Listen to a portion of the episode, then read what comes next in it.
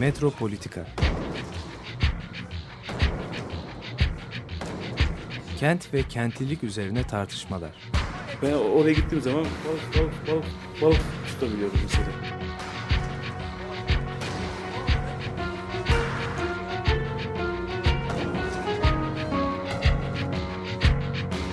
Hazırlayıp sunanlar Aysin Türkmen, Korhan Gümüş ve Murat Güvenç.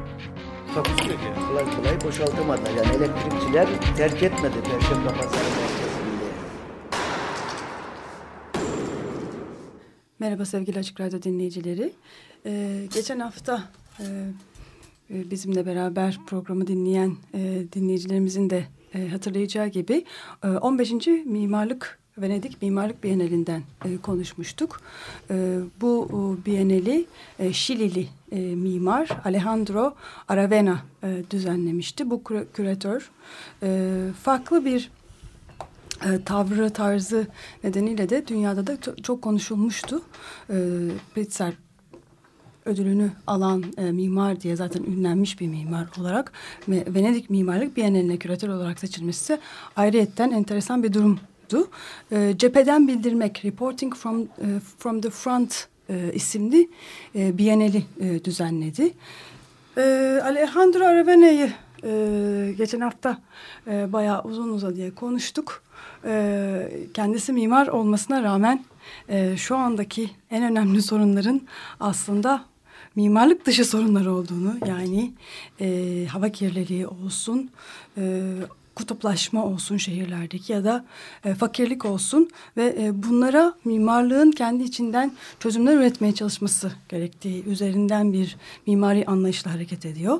E, bu anlamda tabii e, kentin sorunları üzerinden hareket ediyor. E, Bienal'in önemli e, bir teması da e, bu e, kapsamda kentler çağının çelişkileri e, diye e, Richard Ricky Burdett'in hazırladığı e, bir bölüm var. Ee, Korhan e, sanırım sen e, burayı anlatmaya başlamıştın ki geçen hafta programda e, sonuna geldik. E, biraz bu Kentler Çağının Çelişkileri, Ricky Burdett'in sergisi nasıldı, nelere değiniyordu ve e, Aravena'nın temasıyla nasıl bağlantılıydı? Evet aslında e, tabii Ricky Burdett bunu hep yapıyor. Ee, daha önceki düzenlemiş olduğu Biennale'den sonra da işte bu toplantılar, Urban Age konferansları e, bütün dünyayı dolaştı. E, ve ondan sonra tekrar bu Biennale'de de bir sergiyle yer alması bu açıdan anlamlı. Kimler vardı açılışta? İşte benim gördüğüm kadarıyla Bienal Başkanı vardı, Pablo Baratta. O da aslında Arabena'nın yani seçiminde ve Biennale'in e, temasının oluşumunda herhalde etkili olan kişilerden biri. Çünkü yani statikodan kurtulmaktan söz ediyor. Mimarın e, konumundan söz ediyor ve Biennale'in işlevinden e, söz ediyor.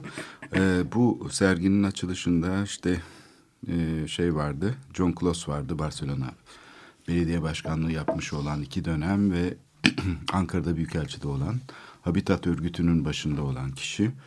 O da ilginç bir konuşma yaptı ve bence önemli olan e, İstanbul'a değinmesiydi. Yani İstanbul deyince sergideki İstanbul'a değil yalnızca e, 1996'da İstanbul'da düzenlenen Habitat 2 konferansına, Birleşmiş Milletler Konferansı'nın bir dönüm noktası olduğunu söyledi.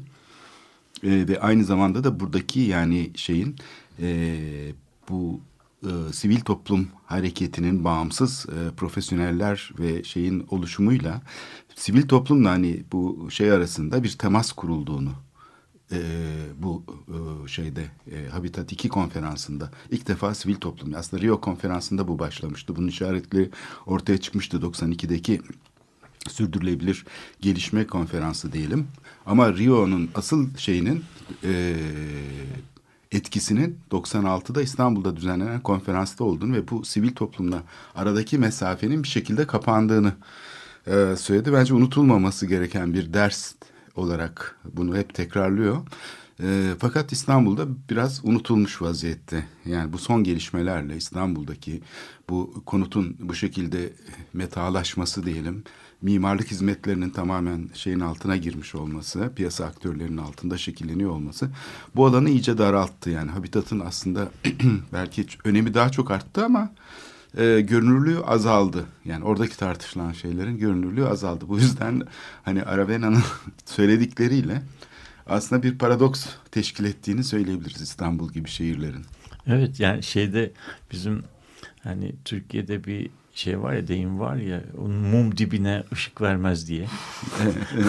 mum dibine yani bu İstanbul konferansının belki en az etkilediği yer denildiği zaman mumun olduğu yer. Yani onun haricindeki her yer bu İstanbul konferansından şeyini aldı, nasibini aldı ve gerçekten hiç kimsenin kuşkusu olmasın ki İstanbul e, Konferansı, İstanbul Bildir, Bildirgesi yani Habitat e, İstanbul Bildirgesi e, kent araştırmaları alanında bir şey e, dönüm noktası oluyor. Bizim Türkiye'de az okunan bir belge var ve onu da e, tekrar belki bu durumda hatırlayalım. Yani İlhan Tekeli'nin e, şeyini yaptığı e, Ulusal Eylem Planı. Ulusal Eylem Planı. Evet. Yani şimdi bu Ulusal Eylem Planı nın içerisindeki yüzlerce eylemden kaç tanesi yapıldı, kaç tanesi o çerçevede yapıldı, e, o o önemli değil. Ama öyle bir belgenin ortaya çıkması bence yüzlerce e, şeyin e, sivil toplum örgütünün iyi kötü yani farklı amaçlarla katılarak görüşlerini ifade ettikleri bir şeyin arkasından e, üzerinde uzlaştıkları bir e, şeyin e, bir e, ulusal eylem planının e, ortaya çıkması çok çok önemli. Ben o e, belgeyi ömrüm boyunca hep hep kullandım. 96'tan bu zamana 20 sene olmuş ben eskimediği e, kanısındayım. Hatta yani, yani önemi daha da arttı, arttı e, diyebiliriz. John Close da buna işaret etti zaten. E, şimdi konferanstan sonra konuşma fırsatımız da oldu. E, bana şunu söyledi. Yani hatırladı tabii. Çok Hı. iyi hatırlıyor. İki defa da görüşmüştük onun üstünden. Yani Habitat Konferansı. Çok değerli bir insan. Bu arada şey evet, yapalım. Deneyimli bir siyasetçi yani. ve e, belediyeci, yani, belediyeci. Belediyeci, siyasetçi diyoruz doktor, ama işte. Doktor aynı zamanda doktor. Evet. evet. Yanında Tobias vardı. E, onun yanından ayrılmayan bir ikinci kişi. E, şey konuştuk aslında. Nasıl oluyor bu ilgisizlik? Yani e, siz muazzam bir iş yaptınız. Yani hiç olmayacak zamanda evet. en zor koşullarda, en berbat koşullarda. Evet. Yani düşünsenize o 90. yılları, 90'lı yılların ortasına evet. doğru felaketler yaşanıyor. Aynı bugün gibi Türkiye'de. Şiddet, terör, işte köy yakmalar falan muazzam bir savaş sürüyor. Ve o sırada gönüllü bir takım insanlar çıkıyorlar ve bir ev sahibi komite deneyimi oluşturuyorlar. Açık Radyo'nun da işte kuruluş yılları ve Açık Radyo buna hmm, müthiş bir şey oluşturdu. Verdi. Platform oluşturdu. Aynı depremden sonra olduğu gibi. Ee, ve muazzam bir şey yarattı. Bir mucize yani Türk hükümetinin politikalarının iyileştirilmesinde bu uluslararası sivil toplumun şeyin de desteğini alarak aslında bir rüzgar esti ve şey değişti. Türk hükümetinin politikaları bir ölçüde değişti diyelim. Yani o sırada belki devletin içinde de ya bu böyle gitmez falan diyenler vardı. Temiz toplum özlemi içinde olanlar vardı. Yani bir kriz olduğunu herkes fark etmişti. Ve o sırada bu kutuplaştırıcı, çatışmacı şeyi üretmeyen ve şehir ölçeğine taşıyan politikayı doğrudan doğruya şehir pratikleri üzerinden konuşmaya başlayan muazzam bir rüzgar esti ve şey değişti. Yani politikacıların Cumhurbaşkanı dahil herkesin tavrı değişti. Ya da böyle sempati göstermeye başladılar e, ve bir anlaşma zemini oluşur gibi oldu. Evet. İşte bunu soruyor John Close da ya ne oldu diyor yani niye bugün sizde diyor yani bu şimdi üçüncüsü düzenleniyor ya bu Habitat'ın evet. sorduğu soru şu. Ne oldu ona? Ne oldu diyor yani bu hükümette hiçbir şey yok ee, buna dönük hiçbir işaret yok. Sivil toplumda da bir... Sivil toplum hareketsiz. Yani orada da bir ölü toprağa serilmiş vaziyette. Habitattan sonra ne oldu? Ben dedim valla işte ondan sonra çok şey oldu. Mesela deprem oldu. Deprem oldu. Depremden sonra muazzam bir şey oldu. Yani gene bir sivil toplum hareketlenmesi oldu. Gezi oldu. Ee, işte daha başka şeyler de oldu. Yani buna benzer. Ama bu unutuldu. Yani bu... Ama bu unutuldu. Ben e, ben belki e, yani bunu bu tür bir şeyi konuşmak Metropolitika e, programının konusu değil. Biz bunu belki programdan önce veya sonra konuşmalıydık ama e, onun içerisinde biliyorsun iki parça var raporda. Türkiye Ulusal raporunda iki parça var. Bir tanesi e, Türkiye'nin e, mekan tarihiyle ilgili bir şey. Yani Türkiye'de devlet Yani Türkiye Ulus Devleti'nin mekanı nasıl şekillendi? Bunun aşağı yukarı başında İlhan Tekeli'nin kaleme aldığı ve çok e, değerli olan bir şey var. Yani nüfus hareketleri, Türkiye'deki kentleşme, belediyeleşme falan şey. Ama arkasında bir de ulusal eylem planı var. Ulusal eylem planında şeyler var biliyorsun. Yüzlerce politik, yüzlerce proje var. Yani nasıl neler yapılabilir diye. Ve o projelerde öyle ad olarak bırakılmamış. Bunu bu kimi ilgilendirir? E, kimlerle beraber yapılır? Önceliği nedir? A tipi, B tipi, C tipi filan. Yani bu e, hani şeyde e, sevgili açık radyo programını dinlerken sabahları hani böyle şeyden saatli marif, marif takviminden bir şeyler okuyorlar yani böyle her sabahleyin bugün nedir hani e, Recep ayının kaçıdır e, şeyin kaçıdır işte filan. Biz de buradan her şeyde bir madde her, okuyalım? Bir madde okuyalım. Yani mesela bu kimi ilgilendirebilir? E, projeler ne yapılabilir? Hani tarihten yaprak gibi bundan 20 sene öncesinde neler e, tartışılmış. Bu, bu bence çok iyi olabilir. Çünkü bu e, Ali'nin, Veli'nin e, veya bizim veya senin veya Aysim'in e, düşündüğü bir şey değil. Yani Türkiye'deki sivil toplum örgüt şeyinin örgütlenmesi 20 yıl önce e, günlerce, saatlerce, aylarca tartışarak Çok ağır böyle bir şey. bunalıma girebilir miyiz? Hayır yok bence Saatli ben, sivil toplum takvimi Hayır diye. yani şey gibi. Yani Hayır, çok bazı, kötü hissedeceksin. Hayır bazı, hayır bazı, bazı kötü hissetmeyiz yani. Bence kötü hissetmeyiz de şey gibi hissederiz. Yani e, met- metropolitika şimdi artık e, şey nasıl diyelim hani e, fiction yapmaya başladı. Hani böyle şey gibi uzay ötesi zamanlardan ne deniyor? Hani öyle bir yazı var ya şey olarak hani e, ismi şimdi aklıma gelmedi. Yani çok ünlü bir şey. Yani böyle şey zamanı hani e, olmamış zamanla gelecekte falan olan şeyleri ne diyor? Science fiction. Ha. Yani biz de Bilim böyle radyo, radyo fiction diye bir şey icat ediyoruz. yani bu Kent- tabii yani kent kent, fiction gibi kent kurgusu. Buradan böyle şeyler okuyabiliriz. Yani böyle her biri e, bir küçük politika bu kimleri ilgilendirebilir filan. Yani bize e, çok ilginç konular açabilir. Rol Yani- dağıtımını yapıyor. Ra- Şimdi- yapıyor. Bir, evet. de, bir de öncelikleri koyuyor. Yani bu Evet. nedir diyor. Bunun içerisinde sosyal politikalar var, fiziksel politikalar var, değil mi? Şey var. Evet. Yani e, Çok boyutlu çok ele boyutlu, alıyor evet, her tabii, konuyu. evet, yani tabii. sadece mesela Yani ulaşım onu- konusu diye değil yani mesela. burada burada e, bence e, şu anda e, hiçbir şeyin konuşulmadığı bir ortamda metropolitika belki bu e, buradan birer paragraflık şeyler e, e, okuyarak biz yani tartışarak bir 15 dakika programda Evet. bunu düşünelim. Bir şey yapabiliriz. Yani en azından Ya bu tartışılabilecek. zaten konferans düzenleneceğine göre Temmuz'da da hazırlık komitesi Prepcom var.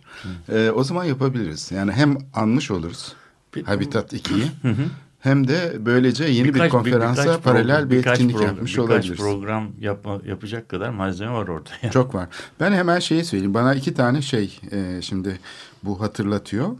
E, bir tanesi bu Habitat 2 ne getirdi meselesinde.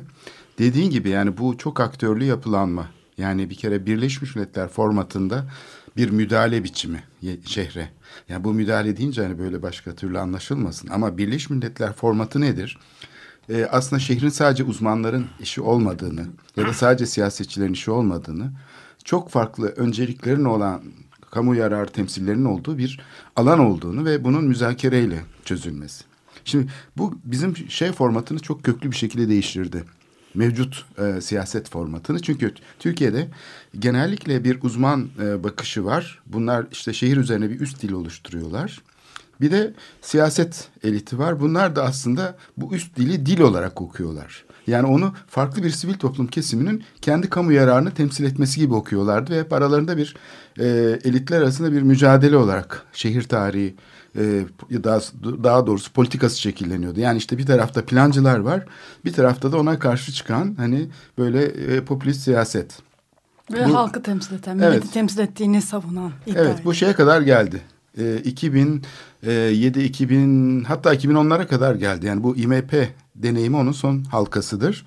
Orada işte yani bilim olarak şehri planlama olarak gösteren bir şeydi. Yani bilim adına doğruları bulmak ve şehri hiçbir katılım olmadan farklı kamu yararı kavramlarının temsilinin gerçekleşmeden ve e, şeyin e, aydınlatılmasını sürecin e, aydınlatılmasını değil içe kapanmasını sağlayan böylece de bir sivil toplum kesimi. Yani işte bu şeyler karşı çıkarlar ya da onlar işte meslek insanları bilim adına işte bazı şeyleri eleştirirler ama siyasetçiler de hep gelişmeyi düzenlemeye çalışır.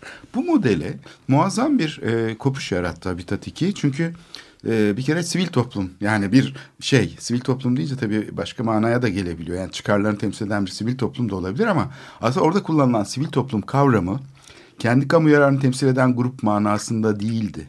Henüz daha herkes farkında değil bunun ama aslında orada profesyonellerin ve e, kamuoyu oluşturan şeylerin bağımsızlaşmasıydı. Bugün Arevena'nın söylediği ya da Baratta'nın söylediği statüko meselesiyle işte yani statükodan ayrışmış bir profesyonel alan tanımı, Biyeneller ne işe yarar tartışmasında da bu geçti.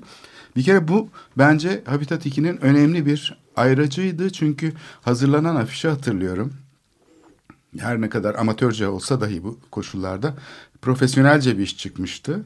Hani itiraz etmekten daha radikal işlerin yapılabileceğini gösteriyordu o afiş. Ortak olun yani daha radikal bir iş yapın ortak olun. Bu için Birleşmiş Milletler'de bunun İngilizcesi bayağı rağbet gördü. Bir elden ele dolaştı. Herkes götürdü kendi ofislerine astı falan. Yani Birleşmiş Milletler Genel Kurulu'nda bile bu afişin çok etkili olduğunu hatırlıyorum.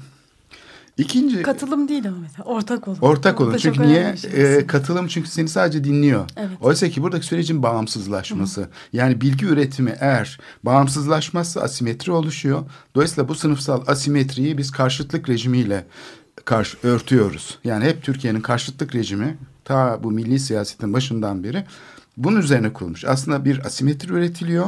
Bu asimetriyi aşmak için aslında fikir alanının, düşünce üretim alanının e, bağımsız olması gerekir. Yani çoklu bir ortam olması lazım ki katılım gerçekleşebilsin. Yoksa siz üçüncü köprü kararını verdikten sonra itiraz ettiğinizde zaten asimetri oluşmuş oluyor. Yanlış deyin, istediğiniz kadar yanlış deyin. Karşınıza zaten iş tamamen bir disiplin şeyi haline geliyor. Siz de o disiplini çiğnemeye çalışan e, şeyler oluyorsunuz. Yani ister istemez muhalefeti böyle bir şeye e, zaman dışı bir duruma itiyor. Yani karşında örgütlenmiş bir modern mekanizma var müteahhitleriyle, halkla ilişkiler şirketleriyle, e, mühendisleriyle, mimarlarıyla nesiyle artık diyeyim. Ama öbür tarafta da hani Roma ordusuna karşı direnen Galyalılar gibi sen de orta çağ teknikleriyle ya da hatta daha önceki ilkel tekniklerle sadece karşı çıkıyoruz demek zorunda kalıyorsun. İşte Habitat 2 buna muazzam bir cevaptı. Ve Türkiye'de gelişen yeni bir sivil toplum damarını keşfetti aslında Habitat 2. Yani Galata yıkımlarının engellenmesinden 80'li yıllarda başlayan, onun üstünden belki buna benzer 100 tane olayın, Üçüncü köprü muhalefetine gelene kadar daha birçok şey oldu. Bunların hepsini aslında kucaklayan bir çözüm üretti. Yani bu işin nasıl çözülebileceğini gösteren bir şey. Bir fikir üretti. Aslında e, yani biraz e, sorguluyorum da bunu e, soruyorum yani sana. O, 96 ile birlikte yani Türkiye'de İstanbul'da özellikle İstanbul'da da çok acayip bir sivil toplum oluştu. Yani bu, sanırım Habitat'ın ama başlattığı bir bir şey vardı, bir ivme de vardı. Yani daha Kesinlikle önce var, gördüklerimizden çok farklı bir ortam da oluştu ve bu yani aslında bugün yaşadığımız son üç seneden, son iki seneden saymıyorum. O yaşadığımız dünyayı oluşturan bambaşka bir dinamiği de yani fitilledi sanırım Habitat 96. Evet bir patlama oldu aslında tam bir şey oldu. Yani böyle bir uyanış bir sivil toplum uyanışı falan. Ondan sonra neler oldu bak kısaca hatırlayalım. Bir tanesi aydınlık için yurttaş girişimidir. Temiz toplum özlemi hareketi ki sonradan başka bir şekilde manipüle edilip siyasete malzeme yapıldı. Ya da siyasete demeyelim çünkü siyasi şey İdi yani baştan. Başka bir mana içeriyor burada. Aslında o eski elitler mücadelesinin bir parçası haline getirildi daha sonra. Ee, 28 Şubat sürecinde kullanıldı. Ee, başka bir şey vardı. Ee, deprem mesela. Depremde de mesela sivil toplum kuruluşları şunu söyleyebilirlerdi. Ya bize işte yardım malzemesi falan toplayın, işleri verin, öyle işleri yapalım Ha, falan. Kızılay gibi olmak. Ha, öyle işler Olabilir. yapalım falan diye bir hayır sürece müdahale ettiler. Damardan müdahale ettiler ve koordinasyon üstlendiler. O zaman ve devlet mesela- yapamadı o işi. Yani o zaman şeyin mesela Akut örgütünün e, bir star haline gelmesi bir çeşit böyle yani bir efsanevi bir e, şey değil mi? Akutçuların e, çok sükse yapmaları ki başka şeyler de olabilir Evet, ama kahramanlar çıktı. Evet, yani yani hani mesela Evet. öyle bir e, kahramanlaşma diyelim. Yani en azından şeyin kamuoyunun Kızılay'a alternatif varmış. varmış gibi yani. Ay şeyi hatırlıyorum da şimdi ikinci günü depremin ikinci günü müydü neydi? E, bu ulaşım tıkanmış ya. Yani sabah zaten depremin ne olduğunu insanlar bilmiyordu. Başbakan bile bilmiyordu yani o bile farkında değil. Yaptığı açıklamalar yanlıştı. Fakat e, ulaşımın tıkanmasından mesele anlaşıldı. Yani gidilemiyor falan. Halk yani sivil toplum belli ki hareketlenmiş. E, yakınlarını kurtarmaya gidiyor yani. Fakat devlet farkında değil. O sırada e, şeyler gitmesi gerekiyor işte trafolar falan gidecek ki gece hani Elektrik bir takım olsun. operasyonlar e, şeyler yapılabilsin. Geçici ameliyathaneler kurulabilsin falan. E, ve koordinasyon sivil toplumun elinde tabii mecburen çünkü kimse bilmiyor durumu. Ama e, STK'lar durumu fark ettiler çünkü haberleşme başladı telsiz sayesinde o da bir gene o da bir STK. Ondan sonra işte üç tane geçici e, şey müdahale birimi oluşturulmasına karar verildi. Bunlar her, e, gönderilecek fakat şey yok, araç yok. Karadan göndermek mümkün değil. Mesela deniz otobüslerini kullanmak sivil toplum kuruluşlarının aklına geldi. Deniz otobüslerinin yanaşabileceği iskeleleri e, saptadılar bölgede ve oraya e, şey naklettiler. Hastane malzemelerini, jeneratörleri falan naklettiler. Mesela bu e, normalde İDO'nun aklına gelebilecek bir şey değildi. İdo hatta yani bizim oraya tarifeli seferimiz yok falan o, diyordu. O, o zaman İdo var mıydı bilmiyorum. vardı. yani İdo e, başka bir şekilde vardı. Henüz özelleştirilmemişti. Evet. Buna benzer çok şey var. Mesela bütün e, televizyonlar e, açık radyonun da aslında içinde bulunduğu yani bu oluşturulmuş iletişim şeyinden haber aldılar. Bütün televizyon NTV, CNN falan ne varsa o zaman televizyon olarak her gün e, haberleri e, saat saat e, sivil toplum kuruluşlarından alıyorlardı. Çünkü başka kaynak yoktu. İkinci depremde yani bu Adapazarı e, değil de şey Kaynaşlı Kaynaşlı. Kaynaşlı depreminden sonra 12 Kasım e, sabaha bir iki saat sonra sivil toplum kuruluşları orada örgütlendiler. Yani bu bir şey de muazzam bir hareket tarzı. Yani e, ikincisine de yetiştiler e, ve hem de birkaç saat sonra. E, bu e, tabii e, Habitat'ın mesela bence burada çok önemli bir etkisi var. Yani orada tam şeyin bağımsız kurumlar neden önemli olduğu ortaya çıktı. Hatta e, devlet bir süre sonra müda klasik müdahale tarzlarını göstermeye başladı. Yani banka hesaplarına el koydu STK'ların çünkü yardım akıyor falan. Ee, şey yapmaya çalıştı, e, engellemeye çalıştı bir takım e, yurt dışı bağlantıları mesela engellemeye çalıştı. Onun üzerine e, ilan hazırlandı. Tam sayfa ilan ve bütün gazeteler o tam sayfa ilanı bastı. Yani Hürriyet, Milliyet, Cumhuriyet falan. Hepsi bütün gazeteler 20 tane gazete o ilanı bastı tam sayfa. Altında 200 tane STK'nın imzası vardı. Ve doğrudan doğruya Cumhurbaşkanı'na şey diyordu. E, hemen e, bundan vazgeçilsin. Yani bu müdahaleden sivil toplum dışlamaktan vazgeçilsin ve sivil toplum kuruluşlarına bu gönüllü çalışan insanlara hemen teşekkür edilsin ve şey yapılsın. Ertesi gün bunu yapmak zorunda kaldı Cumhurbaşkanı ertesi gün yapmak zorunda kaldı çünkü muazzam bir şey vardı sivil toplum kuruluşlarının yani almış olduğu bir inisiyatif, inisiyatif vardı ve sorun çözüyorlardı çünkü o sırada. Yani bütün e, USA sivil toplumla ilişkiyi kurabilecek tek kanal oydu. Aynı habitatta olduğu gibi ilaçlar, e, sağlık malzemeleri, geçici barınaklarla ilgili işte şeyler, yardımlar. Yani dünya buradan, harekete geçti evet, çünkü. Japon dönemde, imparatorunun baş danışmanı bile geldi evet, sivil toplum yani kuruluşlarıyla çalıştı. Gene habitatın şeyiyle evet. oluşan bir şey bu ve hani uluslararasılaşması Türkiye'deki sivil toplumunda yani böyle hı hı. Bu, yani bu bağlantılara geçmiş olması da çok önemli bir nokta. Yani bu da 96 ile başladı. Evet. Tabii şeyde bakarsanız şey yani 90 yılının önce öncesinde Türkiye'de sivil toplumun e, adının ne olması, yani bu kavramın nasıl e, tartışılacağı, yani nasıl adlandırılması gerekildiği gerektiği tartışılırken, yani 10 yıl sonra bu sizin bahsettiğiniz noktaya gelmiş olması, o 90'lı yılların Türkiye'de bazı alanların kuruluşu e, açısından yani bu sivil toplumun yükselişi açısından ne kadar önemli olduğunu gösteriyor. Yani burada tabii çok önemli. Şimdi belki e, ara verme saati de geldi. Biraz e, uzunca bir şarkı dinleyeceğiz. E, e, Yaşam ve Sevgi Bizden Daha Güçlü diye bir şarkı dinleyeceğiz. Bir kadın ve bir erkek filminden.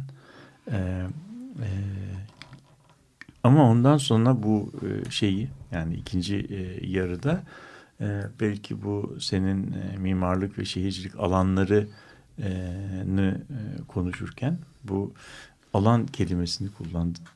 Bu alan kelimesi üzerinde e, zannediyorum bu senin bahsettiğin niye biz bunu başarmışken bugün e, patinaj yapıyoruz bu meseleyi belki ikinci yarıda alan kavramı üzerinden yeni baştan tartışabiliriz.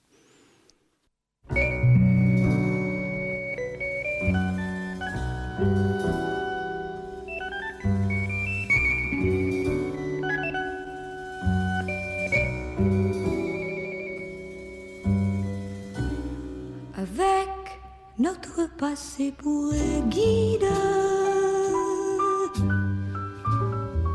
on se devrait d'être lucide. Mais notre méfiance est à bout. L'amour est bien plus fort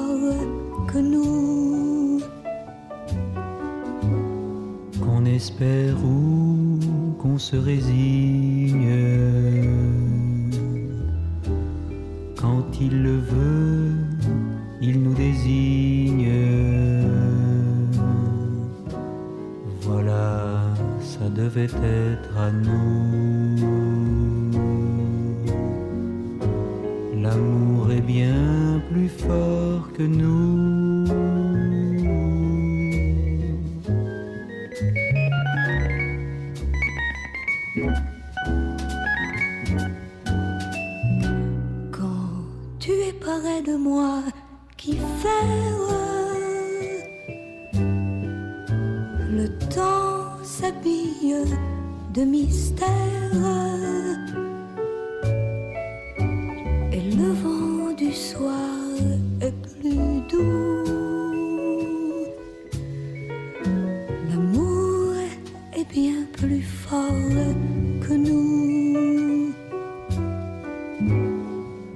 Libre en un marécage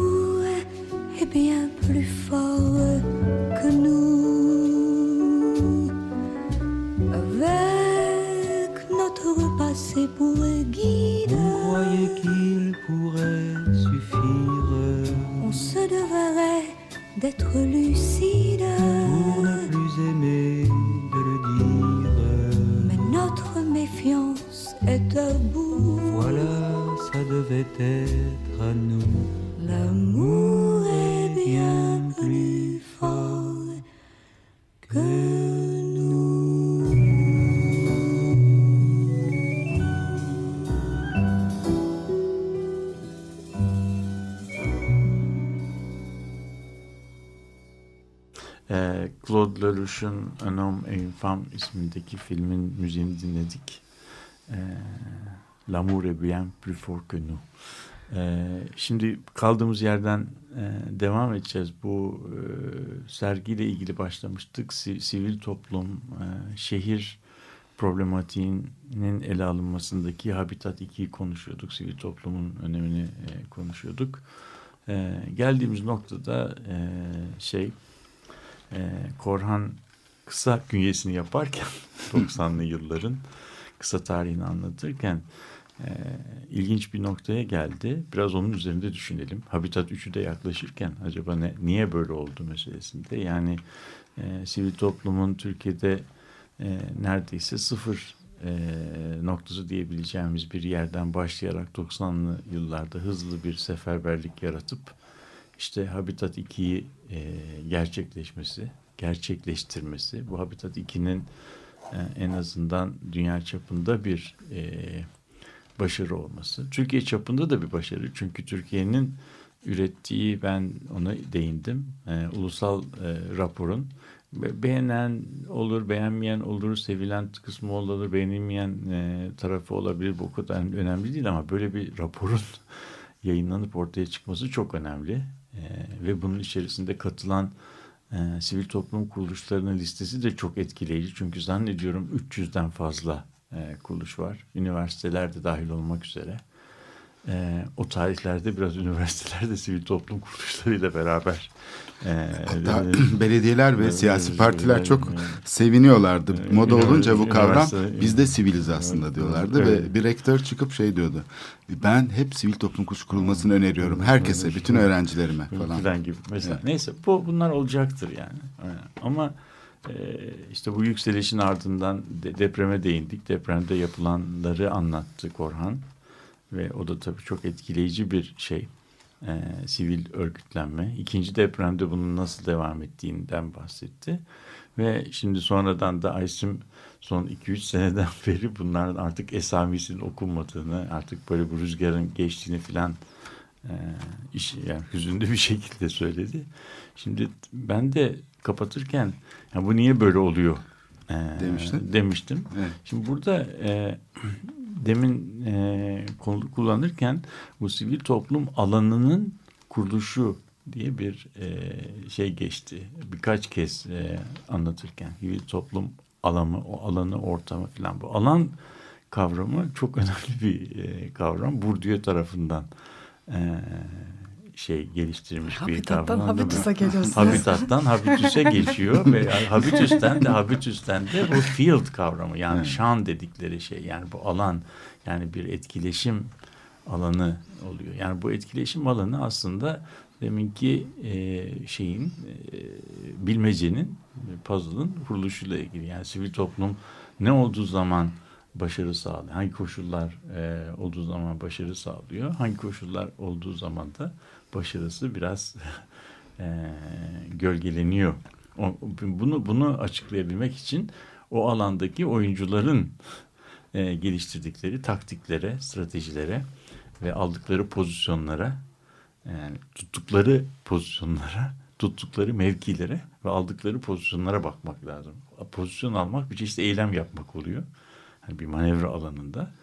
E, böyle baktığımız zaman yani ben geriye tarihi okuduğum zaman e, şeyin sivil toplum hareketinin bir çeşit e, koopte edildiğini düşünüyorum. Yani bir çeşit ona el konulduğunu, geri kazanıldığını yani o başarının bir çeşit tekrar e, içerildiğini e, düşünüyorum. Orada da bir böyle e, şey merkezi refleks ile, merkezi yönetim refleksi ile bu yani bu ortak olun e, şeyinin e, sözünün aslında ister istemez bir eşit ortaklık eşitler veya eşite yakın şeyler arasında olacak şeylerdir yani. Ama bir taraf kendini yüz bin öbür tarafı da sıfır görüyorsa o zaman bu yüz binle sıfırın ortaklığı o kadar e, iyi olmaz. Yani elinde yüz bini tuttuğunu düşünen e, taraf bu e, sefil yaratıklarla, sefil sivil yaratıklarla çok fazla e, ortaklık kurmak istemedi. Yani geçici olarak hani bu habitat e, şeyi geçelim ben size gösteririm gibi bir e, ortaklıktı. sonunda da sonunda da onlar bir çeşitte bu oyunu tekrardan e, başka türlü kurdular ve o kurumda sonunda da e, sivil toplumun kendine yönelteceği e, eleştiriler var. Ee, ama oyunu biraz böyle okumamız gerekir diye düşünüyorum. Bilmiyorum ne düşünüyorsun? Evet şimdi burada e, bu gözlemin çok önemli. E, çünkü sivil toplum kuşları yok mu? Var. Ama bunlar nasıl çalışıyor bugün? Hı hı. E, tamamen e, siyasi al alanlara ayrışmış olarak. Ve özellikle de hani iktidarın şu anda e, işte eğitim alanında mesela yani yurtlar, işte eğitim destekleyecek yan hizmetler olsun. Bunların hepsinin sağlık vesaire, kadın kuruluşları. Bunların hepsinin e, bir siyasi şeyin patronaj şemsiyesi altında şekillendiği bir klientel ilişkisi yani bir patronaj klientel ilişkisi şekline dönüştüğünü görüyoruz. Oysa ki tam da sivil toplum kuruluşlarının Habitat 2'de yaptığı bunun tam tersiydi. Zaten böyle bölünmüş bir alan vardı. Başı kapalılar, başı açıklar gibi ya da işte insan hakları alanında işte diyelim e, daha çok e, İslami kesimden insanların insan haklarını savunanlarla diğer taraftan sol kanattan insan haklarıyla uğraşanlar gibi ilginç bir şeyle bunları yan yana getirdi. Yani burada e, sanki hani bu ders çok iyi çalışılmış gibi bu girişim e, her görüşten insanları konu temelinde yan yana getirdi. Biraz sonra anlatmaya çalışacağım. E, Kıbrıs Cumhuriyeti'nin Venedik Bienalindeki sergisi de aslında buna çok benziyor. E, ve bu bir araya gelme sonucunda o dediğin alan e, şeylerden bağımsızlaştı. İktidar ve piyasa mekanizmalarından. O sayede zaten bu mucize yaratılabildi. Yoksa ondan önce işte sol taraftaki şeyler, duyarlı insanlar ya da işte sağ taraftaki duyarlı insanlar gibi ayrışmış ve tamamen siyasi kanallarla iş gören bir e, şey vardı. Burada e, İlhan Tekel'in adını andık. Ee, o çok önemli bir rol oynadı tabii kuramsal e, çerçevenin oluşmasında hem de ikna edilmesinde siyasetçilerin. E, ben e, TOKİ'nin başındaki Yiğit Gülöksüz hocayı da burada e, hatırlamak e, gerekir diye düşünüyorum. Çünkü eğer o olmasaydı e, bilfiil o işte çünkü TOKİ uğraştı. TOKİ üstlendi bu sorumluluğu. Eğer o olmasaydı, onun gayretleri olmasaydı bu e, alanı açık tutma konusunda e, o kadar başarılı olmazdı. Yani eğer e, işte kültür başkenti deneyimini yaşadık mesela sonra orada başarılı olunmadı. Yani devlet müdahale etti ve e, Ankara'dan atanan işte başbakan yardımcısı bilmem nesi falan görev aldı ve iş tamamen bürokratik mekanizmaya dönüştü. Bir de şeyi işaret, işaret etmek lazım. Ee, kültür başkentine ayrılan para ile Habitat'a ayrılan para arasında da korkunç bir fark vardı yani değil mi? Evet, kültür çok... başkentine ne kadar paralar ayrıldı? Ayrıldı. Ne netice alındı? Evet işte Atatürk Kültür Merkezi falan bunun örneği yani çok az. Yüzde biri belki işe yaradı o bütçenin. Yüzde doksan ise e, gene bildiğimiz kanallara yöneldi. Şimdi e, buradan ben bu Kıbrıs Cumhuriyeti'nin sergisine değinmek istiyorum. Yani onların ulusal pavyonu e, şeyin içinde yer almıyor. Arsenal'in içinde yer almıyor. Büyük kanalın hemen kıyısındaki bir sarayda e, yer alıyor Kıbrıs Cumhuriyeti'nin e, sergisi diyelim. E, ve bu sergiyi Türkler yapmış. İlginç olan taraflarından biri bu. E, burada e, serginin konsepti şu. E, genelde bizim e, şeydeki bu karmaşık topluluklar içindeki sınırlar e, bu siyasi şeylere e, çağırma mekanizmalarıyla oluşuyor. Diyelim burada işte e, şeyden göç etmiş insanlar var. Yoksulluk nedeniyle Kıbrıs'a göç etmiş ve orada iş bulma umuduyla Magosa'da çalışan insanlar var. Daha böyle şey olan insanlar var. Yani böyle daha milliyetçi ve işte oraya daha farklı şeylerle bakan buradan bir kariyer yap çıkarmaya çalışan orada e, bir takım şey, mekanizmalar içinde güç sahibi olmaya çalışan. Ondan sonra işte o, yerel halk var. Bölgedeki e, Kıbrıslı e, insanlar var. Asker aileleri var falan. Karmaşık bir topluluk. Hepsi çok farklı. Ve eğer e, şey çağrılırsa bu çağırma mekanizması mesela milliyetçilik üzerinden olursa işte bize Rumlar şunu yaptı bunu yaptı falan deyince mesela bir kesimin bu Türkiye'den göç eden insanların bir kesimi hemen böyle harekete geçiyor. İşte başka sorunlardan söz edilirse işte bu geldi yeni göçmenler var bu Kürtler geldi buraya işte falan şey oldu denince başka bir kesim harekete geçiyor. Milli bilmem ne falan işte şeyler burada e, e, konusunda bir takım etkinlikler yapılırsa başka bir kesim harekete geçiyor. Hepsi böyle parçalanmış bir e, şey gösteriyor şehir halkı. İçinde bir de tabii terk edilmiş ya da boş duran bir Maraş bölümü var. Burası da bir zamanlar Kıbrıs'ın en zengin yeri. Bir de bunun nasıl dönüşeceği konusunda tabii farklı fikirler var. Şimdi bu sergide e, bu tip çağırma mekanizmaları yerine daha alttan, e, tabandan gelen e, meselelerle ilgili çağırma mekanizmaları ve e, konuşma alanları yaratılmaya çalışılıyor. Aynı Habitat 2'de STK'ların e, denediği gibi altyapı sorunları üzerinden mesela. Daha çok şehir problemleri üzerinde. Şehir problemi yani siyasi e, şeyler şehir ölçeğine taşınıyor. Evet. Ama bunu mesela bir e, yeşil hat üzerinde Sanki yapmak çok siyasi zor. olmayan bir alandan çıkıyor aslında o sorular ama esas siyaset orada aslında. Evet tamamen çünkü insanların orada artık kendi gelecekleri Ortak bir söz siyaset konusu. evet. Burada ortak ü- olunabilecek, ortak zaten var olan ve de olunabilecek bir siyaset. Evet kesinlikle orada diyalog kurmak mümkün. Mesela bunların üç tane başlık söylersek altyapı diyelim. Altyapı ile ilgili bir şey söylendiği anda herkes birlikte Aa, bu içme suyu da nasıl daha iyi olur? İşte bu hava kirliliği nasıl engellenir? İşte e, bizim ulaşım erişim haklarımız e, engelliler için nasıl çözülebilir falan. Her şey ortaklaşa konuşulabiliyor. E, altyapı ile ilgili böyle bir alan açılabilir.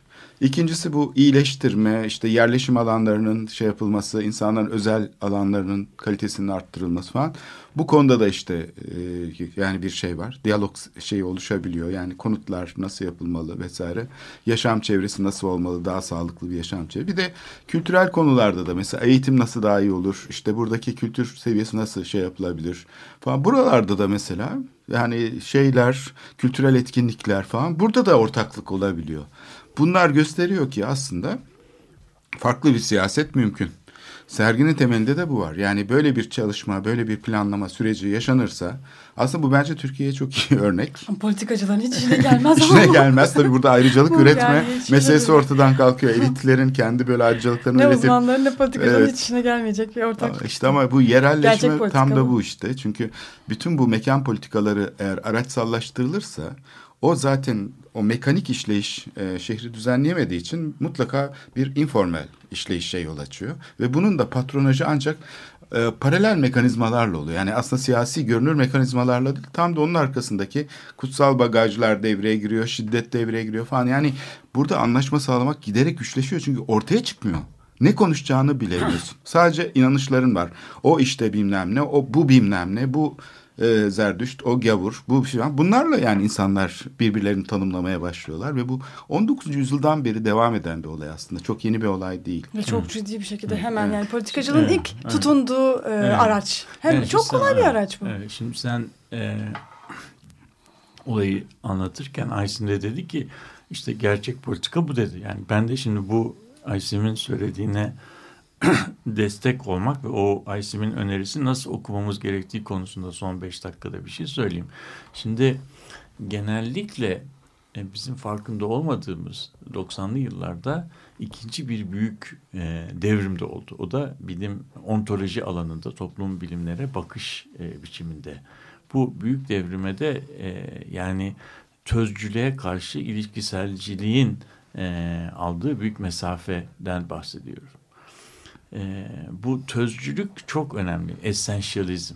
E, senin söylediğin işte e, şeyleri, aktörleri ve toplumsal sınıfları e, barındırdıkları özler itibariyle e, Değişmez. De, değişmez. Özler itibariyle de, değerlendirmek. Şimdi eğer biz toplumu e, bu özler itibariyle e, okumaya başlarsak o zaman toplumu toplum yapan şeyin insanlarda değil de o özlerde olduğunu e, düşünürüz. İnsanların da o özlerin ancak taşıyıcıları olduğunu düşünürüz. Yani özler bir yerlerde duruyor. O öz hasbelkader bizim içimize giriyor genellikle doğumla.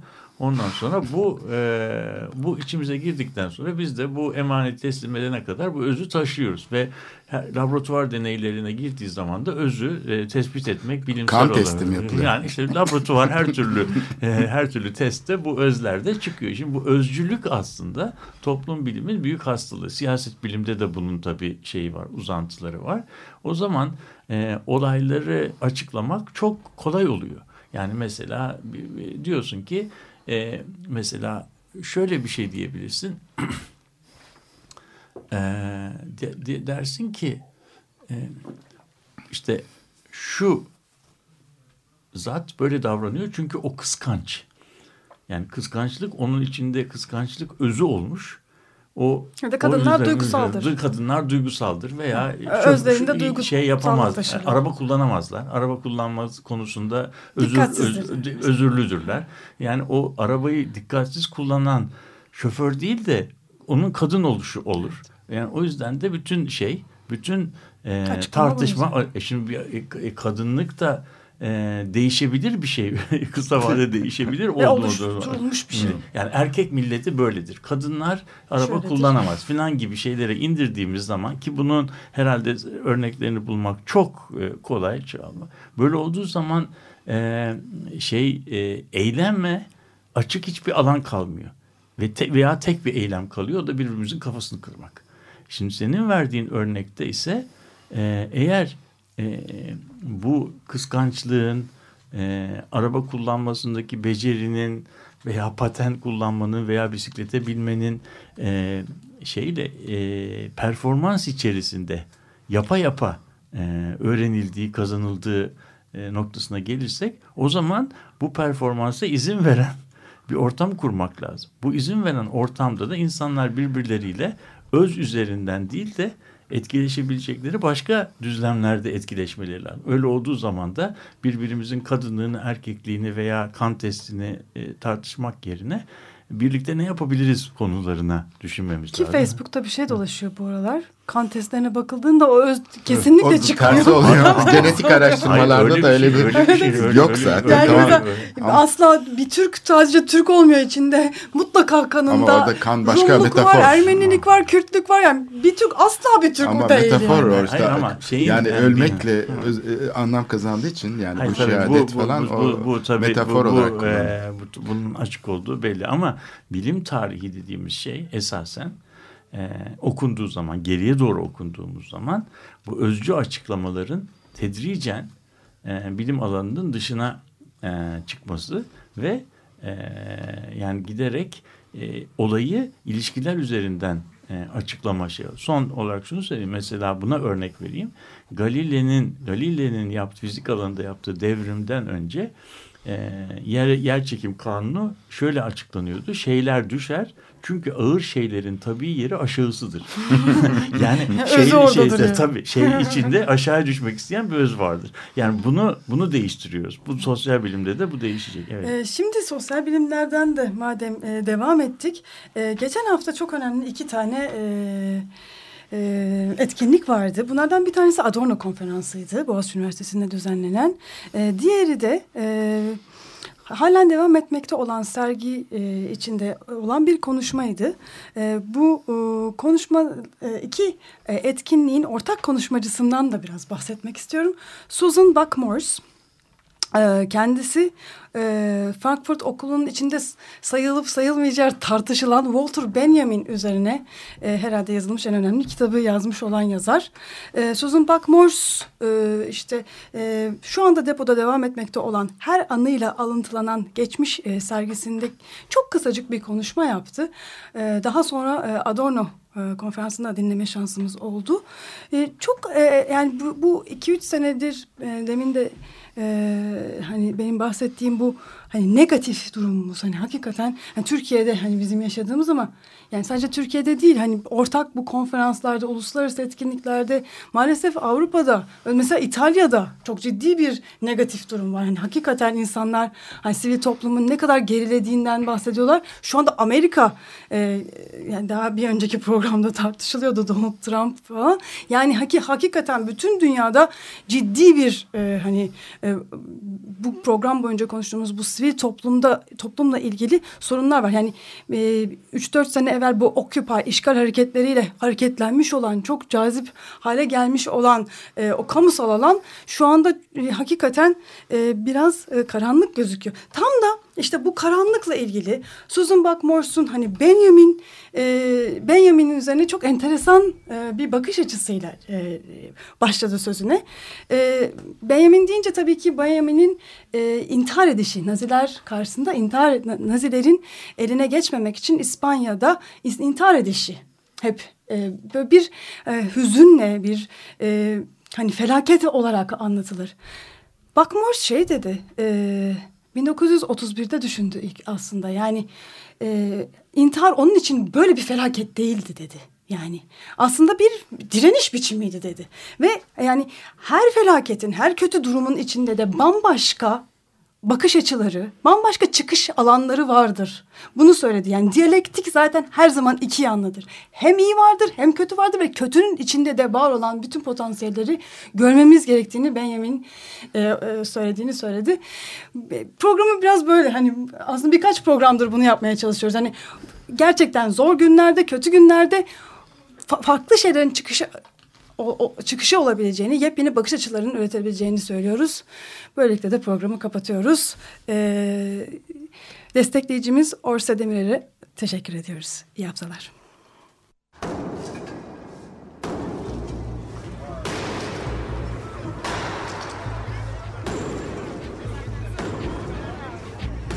Metropolitika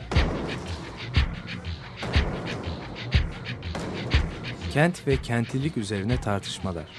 Ben oraya gittiğim zaman balık balık balık balık tutabiliyorum mesela.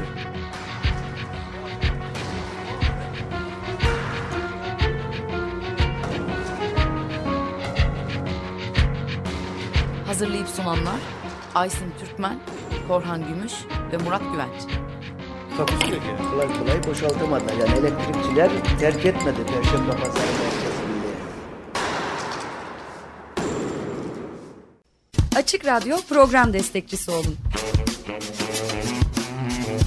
Bir veya daha fazla programa destek olmak için 212 alan koduyla 343 41 41.